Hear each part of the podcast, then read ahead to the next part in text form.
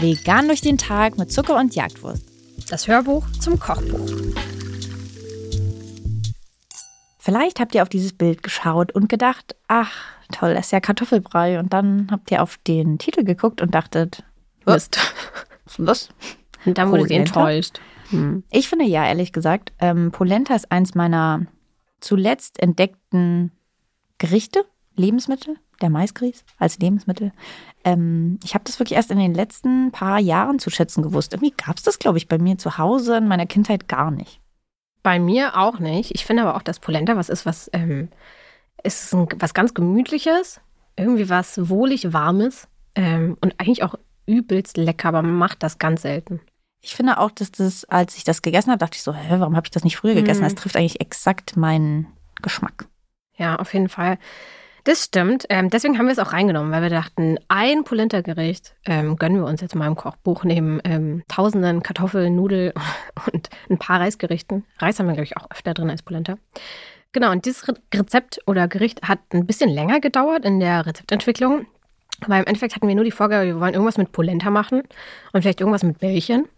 Ähm, und ich glaube, wir hatten hier einmal einen Test kochen mit einer Rahmpilzsoße. Also es gab unterschiedlichste Versionen von diesem Gericht, bis wir schließlich dann hier gelandet sind.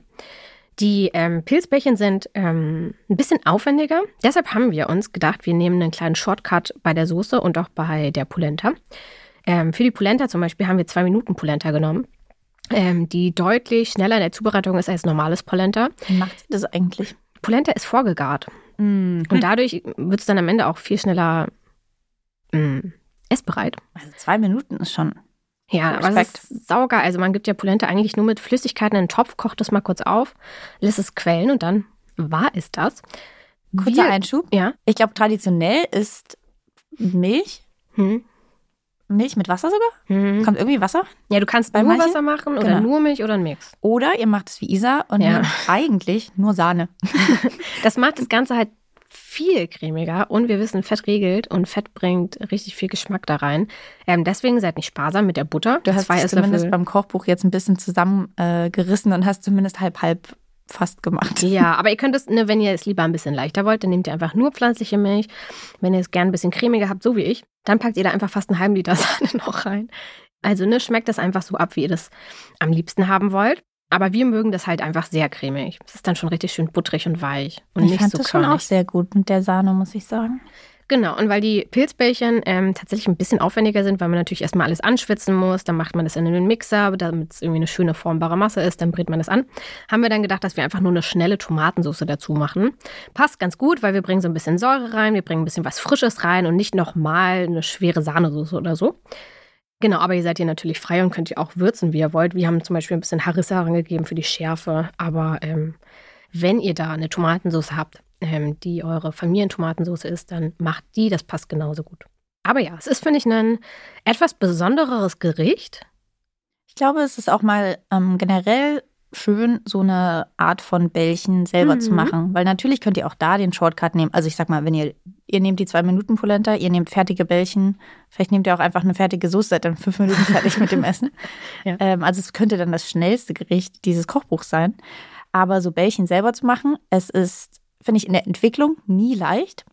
Also Mhm. es ist irgendwie toll, dass ihr das jetzt machen könnt äh, und dann wisst, dass die zusammenhalten. Aber wir haben ja auch ähm, noch vegane Bällchen auf Basis von Kidneybohnen und auf Basis von weißen Bohnen und Seitan auf dem Blog. Also da könnt ihr euch tendenziell, wenn ihr keine Pilze mögt, auch ähm, noch ein anderes Rezept dazu nehmen. Aber es in der Entwicklung, finde ich, immer schwer, weil du ja genau diesen Grad zwischen, das soll zusammenhalten, es soll aber auch kein Klumpen am Ende sein. Es soll schon nach was schmecken, die Konsistenz muss richtig sein. So, das ist, finde ich, in der Entwicklung immer, dauert sehr lang. Ja, auf jeden Fall. Zumal, ähm, je nachdem, was man für Pilze hat, je nachdem, wie lang man die und wie scharf man die anbrät, verlieren sie mehr Flüssigkeit oder weniger. Also ihr könnt bei diesen ganzen Pilzbällchen auch, ähm, also da müsst ihr einfach so ein bisschen auch auf euer Bauchgefühl hören. Wenn ihr das Gefühl habt, die Masse ist noch viel zu feucht, dann gebt ihr da einfach ein bisschen mehr Paniermehl ran. Oder wenn ihr denkt, okay, 80 Gramm reichen schon vom Paniermehl, das ist so ein bisschen Gefühlssache. Also rollt ihr in euren Händen und wenn ihr das Gefühl habt, das ist jetzt schon ein gutes Bällchen, das ist eine gute Konsistenz, ähm, dann go for it. Ja, mit Bällchen muss man wirklich so ein bisschen gucken, wie viel Feuchtigkeit gibt man rein, wie viel trockene Zutaten, aber ihr werdet das machen. Und ansonsten finde ich, ist das auch ähm, ein gutes Beispiel dafür, dass ihr auch in unserem Kochbuch sehr kreativ eigentlich viele Sachen miteinander mischen könnt. Mhm. Wenn euch jetzt die Tomatensauce zum Beispiel nicht gefällt und ihr liebt Pilze, könntet ihr zum Beispiel auch unsere Pilzbasis vom Champignon-Kroketten-Auflauf als Soße nehmen. Man ja. kann so viele Sachen miteinander eigentlich austauschen. Und, und ja, und wenn ihr die Pilzbällchen zum Beispiel nicht mögt, dann könnt ihr auch einfach unsere Frikadellen nehmen, die, ähm, glaube ich, ein paar Seiten später kommen oder schon vorher kommen. Müsst ihr mal gucken, aber auf jeden Fall im gleichen Kapitel sind. Ähm, und die einfach ein bisschen kleiner machen. Dann habt ihr kleine ähm, Fleischbällchen sozusagen, die eben nicht so diese herbstliche Waldnote tragen, aber auch ganz herrlich deftig sind. So. Also macht doch beim nächsten Mal, wenn ihr Kartoffelbrei eigentlich machen wollt, mal eine Polenta das mhm. Tolle ist, egal, auch wenn ihr richtig viel Polenta macht und es reicht nicht, man kann die immer später toll auch nochmal verstreichen, zurechtschneiden und anbraten. So kennen wahrscheinlich auch viele das, diese Polenta-Schnitten. Deswegen ist es auch ein tolles Gericht für die Resteverwertung.